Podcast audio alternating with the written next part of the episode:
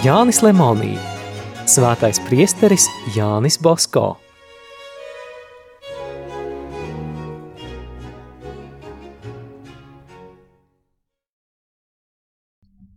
Zēnu vidū, raksta priesteris Bonetī, daži bija tik labi, ka likumības un pārdabisko dāvanu ziņā tie varēja sacensties ar Dominiku Savio.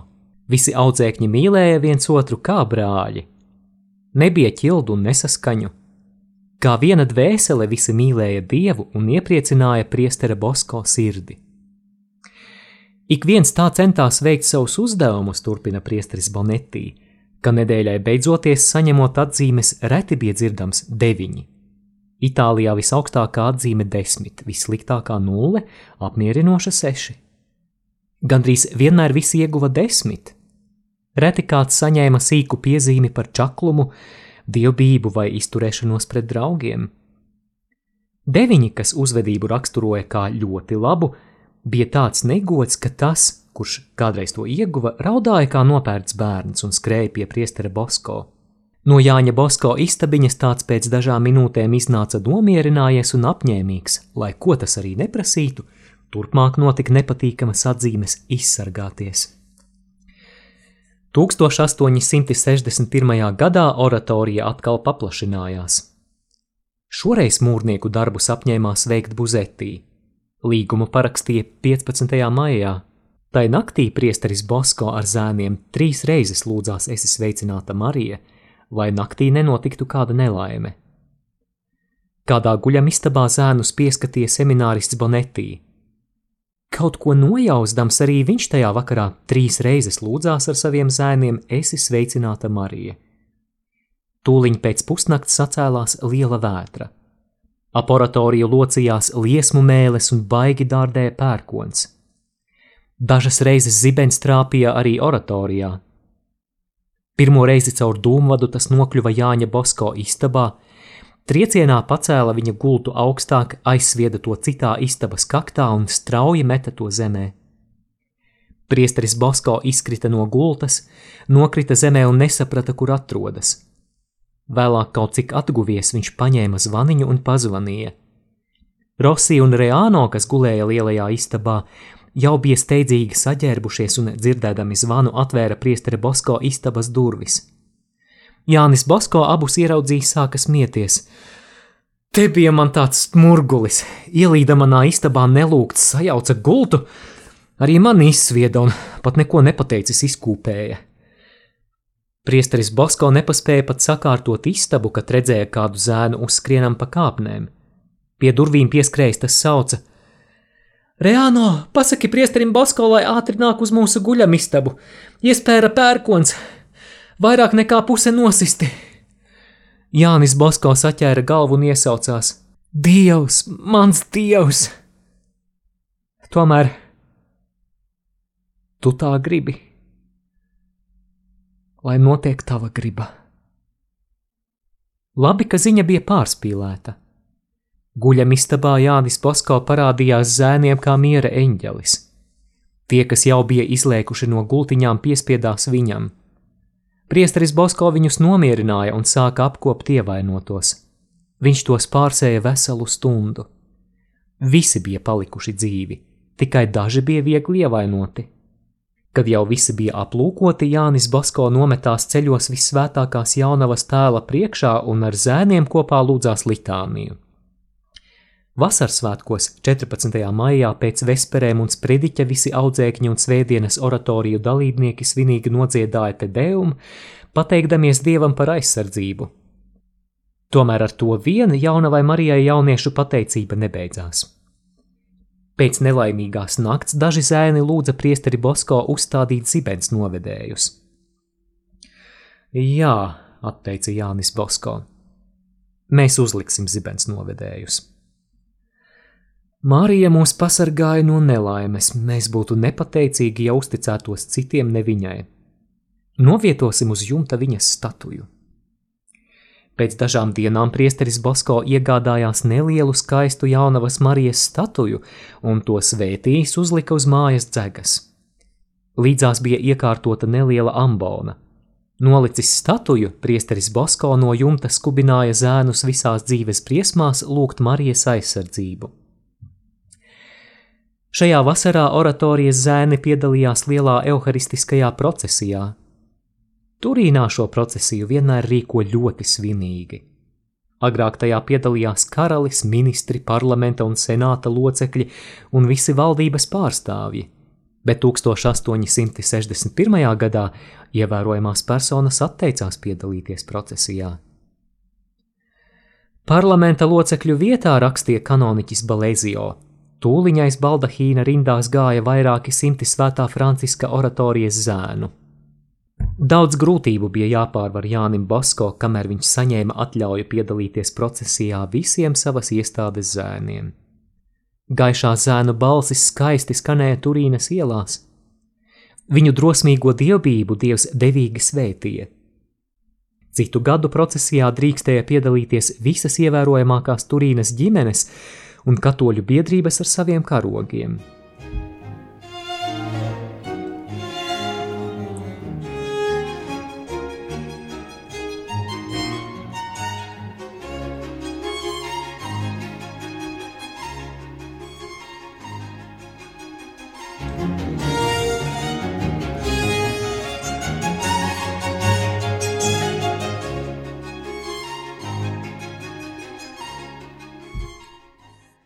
Pēc Ziemassvētkiem priesteris Bosko saslima ar rozi, kas viņu spieda veselu nedēļu pavadīt gultā.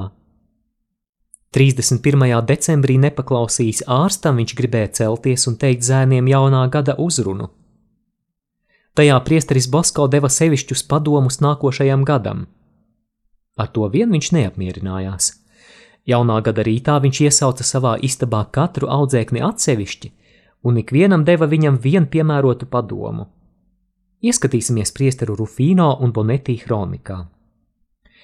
Uzausa 1862. gada pirmais rīts. Tikko noskanēja zvans aicinot celties, priesteris Bosko saņēma rīkojumu, tā viņš pats teica, bet negribēja sacīt no kā šo pavēli saņēmis - celebrēt svēto misi. Tā viņš arī darīja. Pēc mises viņš devās uz ēdam istabu padzert kafiju. Neņemdams vērā slimību, arī pusdienas viņš ēda kopā ar citiem, viņš jūtoties vesels. Vakarā viņš izmeta zāles un ārstam pateica, lai tas viņu vairs neapmeklē. Tomēr tajā vecā gada vakarā mācību, ko visi tā gaidīja, viņš nebija pateicis. Zēni nepacietīgi to gaidīja visu jaunā gada dienu. Kaut jau vakarā priesteris Bosko kaut ko pasakītu. Beidzot, pēc vakara lūkšanām zēni elpu aizturējuši vēroja, kā priesteris Bosko kāpja ambaunā. Viņš iesāka tā: Domas, ko es jums šovakar sacīšu, nav manas. Ko jūs darītu? Ja pati vissvētākā jaunava atnāktu jums pasakīt kādu vārdu, vai arī ja viņa jums ikvienam uzrakstītu pa vēstulē. Redziet, tā nu šoreiz tas tiešām ir noticis. Svētā jaunava ikvienam no jums deva padomu. Varbūt radīsies jautājums, kā tas var būt, vai tad visvētākā jaunava raksta vēstules vai pasaka ar vārdiem priesterim, ko viņam sacīt. Varbūt priesteris Bosko ir kļuvis par dievmātes sekretāru. Es jums atbildēšu.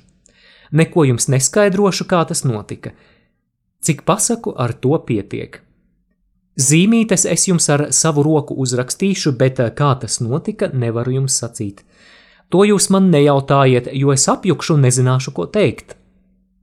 Pietiekami ir zināt to, ka ik viena zīmīte ir visvētākās jaunavas darbs. Atcerieties šo sevišķo žēlastību. Jau tik daudzus gadus es pēc tās lūdzos un beidzot izlūdzu. Vēl šo un to pateicis par zīmītēm, viņš nobeidza. Tā kā zīmīšu dalīšana aizņems ilgāku laiku, tad šovakar tās var nākt un saņemt manā istabā priesteri, semināristi un filozofijas kursa studenti. Labu nakti! Priesteri Bosko istabā tūliņ sapulcējās salezijāņi, viņi pirmie saņēma derīgus padomus. No rīta Jāņa Bosko istabu apstāja zēni. Saņēmuši zīmītes, cits priecājās un lēkāja – cits stāvēja domīgs, Cits staigāja viens pats, slaucīja asaras un klusēja. Daži rādīja savas zīmītes arī draugiem, citi tās rūpīgi noslēpa.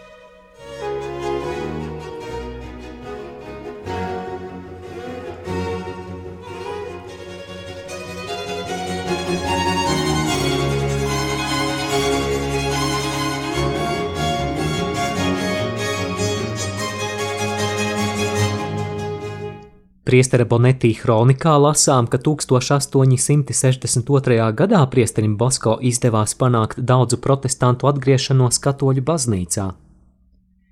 Kronika stāsta, ka trūcīgajiem jaunajiem katoļiem priesteris Bosko atrada darbu un uzturu. Tik liela uzvara nevarēja neradīt cilvēku dvēseļu ienaidniekā skaudību. Februārī ļaunais sāka Jāni Bosko nepārtraukti vārdzināt. Naktī viņa istabā vienmēr kāds kliedza, daudzījās, cilāja krēslus un galdu.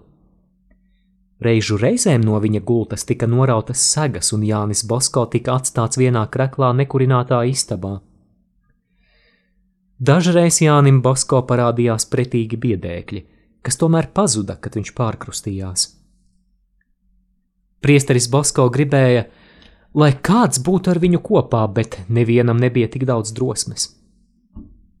Kādu vakaru Bonetti un Rufino aizgāja viņu sargāt lielajā bibliotēkas istabā, bet izdzirduši neparastu murmināšanu, nobijās un aizbēga. Jānis Bosko atkal palika viens. Priesteris Bonetī raksta par šo cīņu, ka tā turpinājās vairākus mēnešus.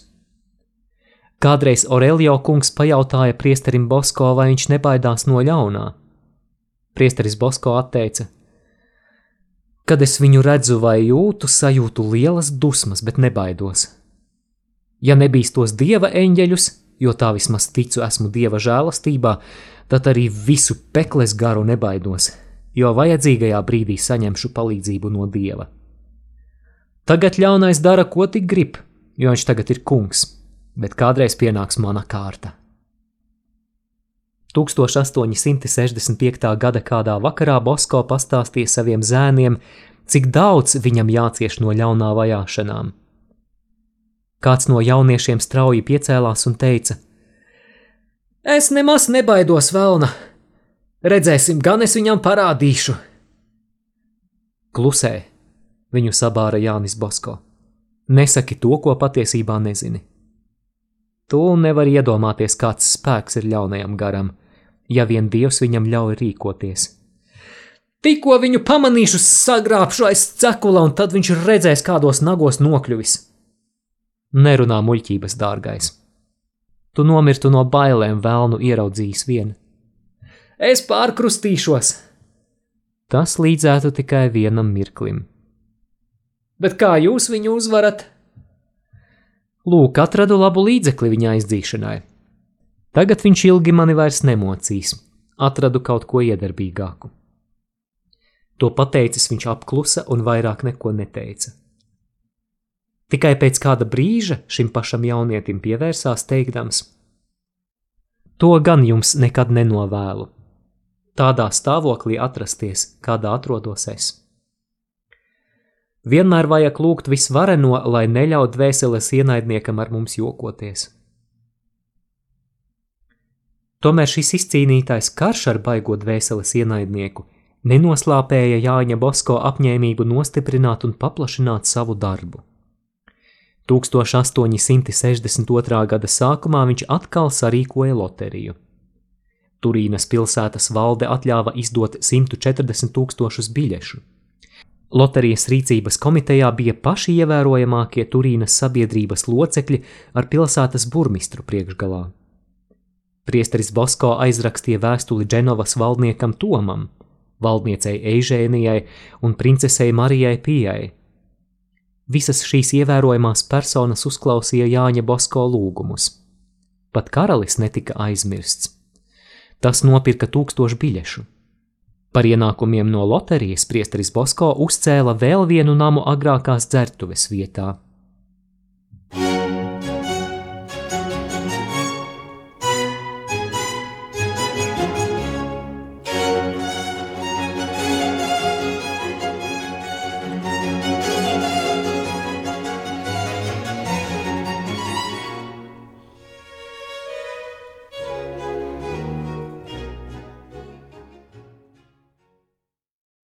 Svētā Franciska no Sales kongregācijai ir svarīgs tā gada 14. maijs.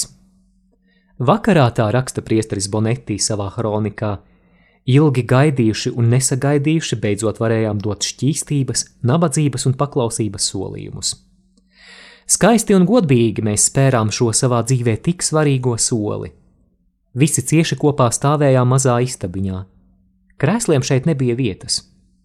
Par mūsu sajietu pat visi mājinieki nezināja. Tomēr šis neievērojamais sākums nenoslāpēja mūsu dedzību, tieši otrādi tas iededza nākotnes cerības. Pretī krustam, kuram abās pusēs dega pa svecei, mēs, pavisam 22 cilvēki, nometāmies ceļos un devām solījumus.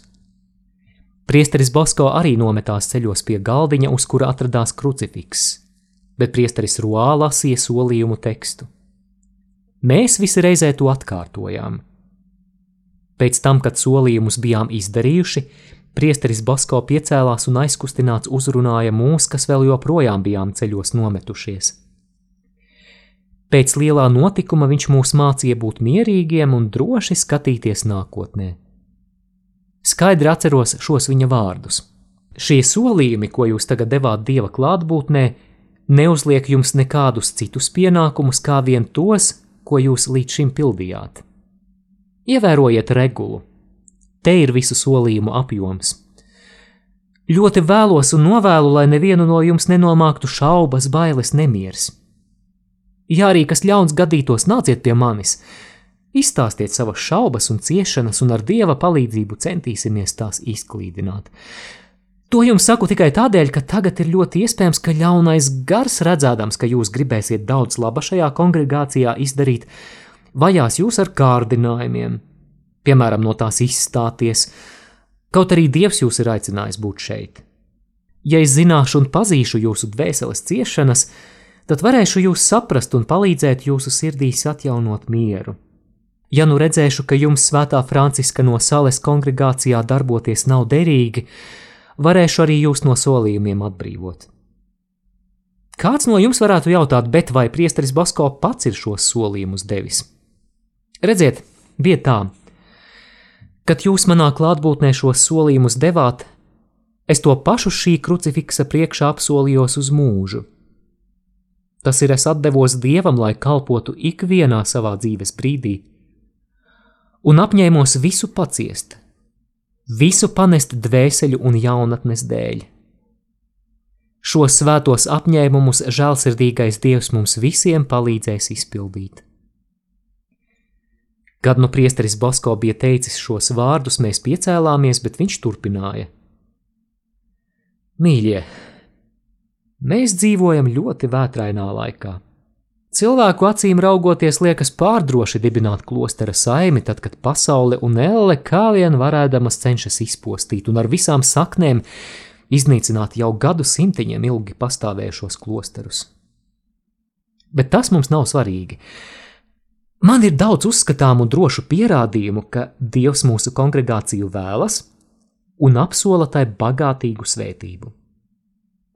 Neviens vien mēģināja kavēt tās dibināšanu, bet viņa nekā nepanāca. Aktīvākie savus centienus dabūja rūkti nožēlot. Man ir neparasti pierādījumi, ka mūsu kongregācija augs un izplatīsies. Tādu ir daudz un nozīmīgi. Pirmais. Tas ir mūsu kongregācijas mērķis - lielāks dieva gods un dvēseļu pestīšana. Kā var zināt, vai Dievs neizlieto šo mūsu kongregāciju, lai darītu daudz laba savai baznīcai? Pēc 20, 30 gadiem, ja Dievs mums arī turpmāk tāpat palīdzēs, mūsu kongregācija būs pazīstama ar saviem darbiem visā pasaulē, un tajā būs tūkstošiem locekļu. Mēs visi ievērojām, ka priesteris Bosko šai vakarā bija ļoti apmierināts. Viņš nevarēja no mums šķirties un izteicās, ka gribētu pavadīt ar mums kopā visu šo nakti. Viņš mums pastāstīja daudz brīnumainu notikumu no oratorijas vēstures. Tomēr šajās dienās Jānim Bosko bija jāsastop dažādi jauni šķēršļi.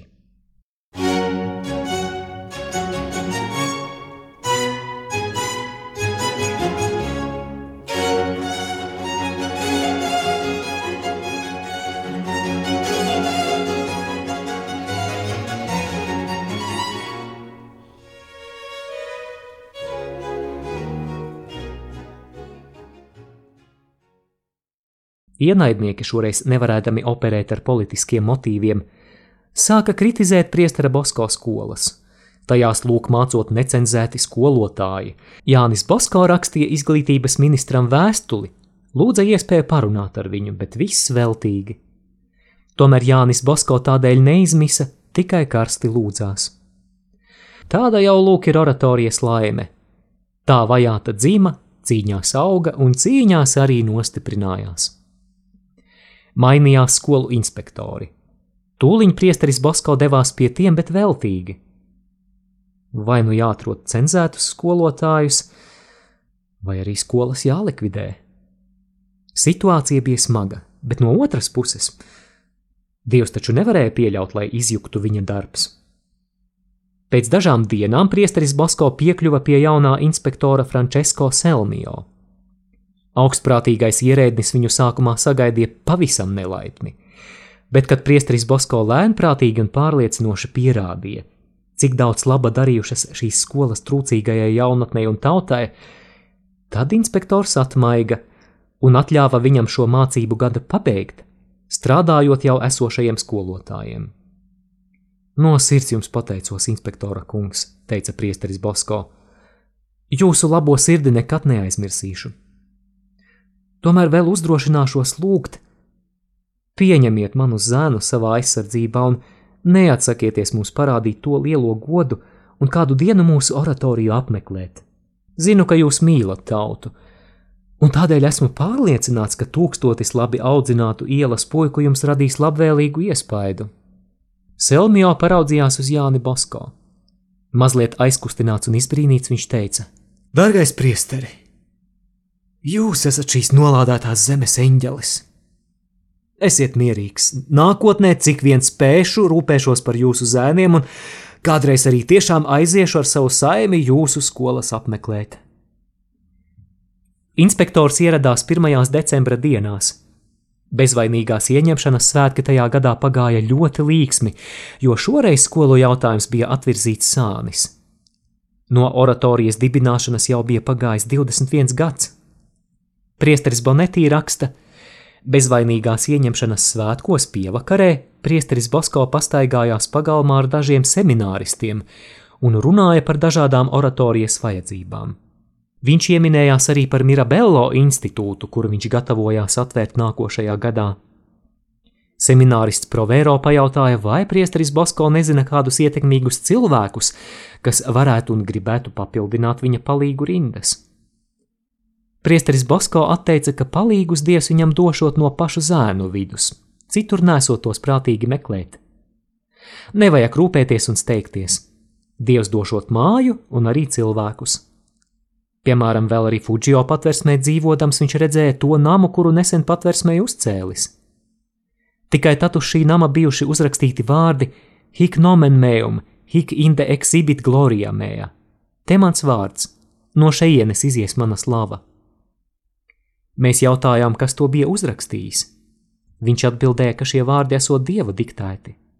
Viņš bija domājis tiešām tos rakstīt uz jaunā nama frontāla, bet baidījies, ka oratorijas iemītniekus kāds varētu nosaukt par uzpūtīgiem. Pēc 20 oratorijas pastāvēšanas gadiem redzams, ka 1862. gada beigās tai bija jau dažādas telpas.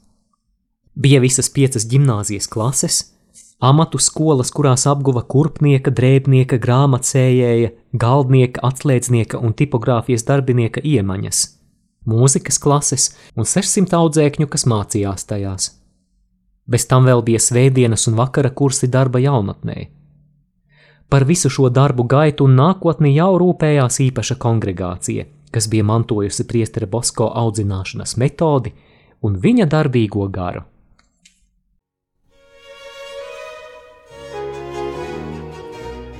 Izskanēja lasījums no Jāņa Lemonija grāmatas Svētais priesteris Jānis Bosko.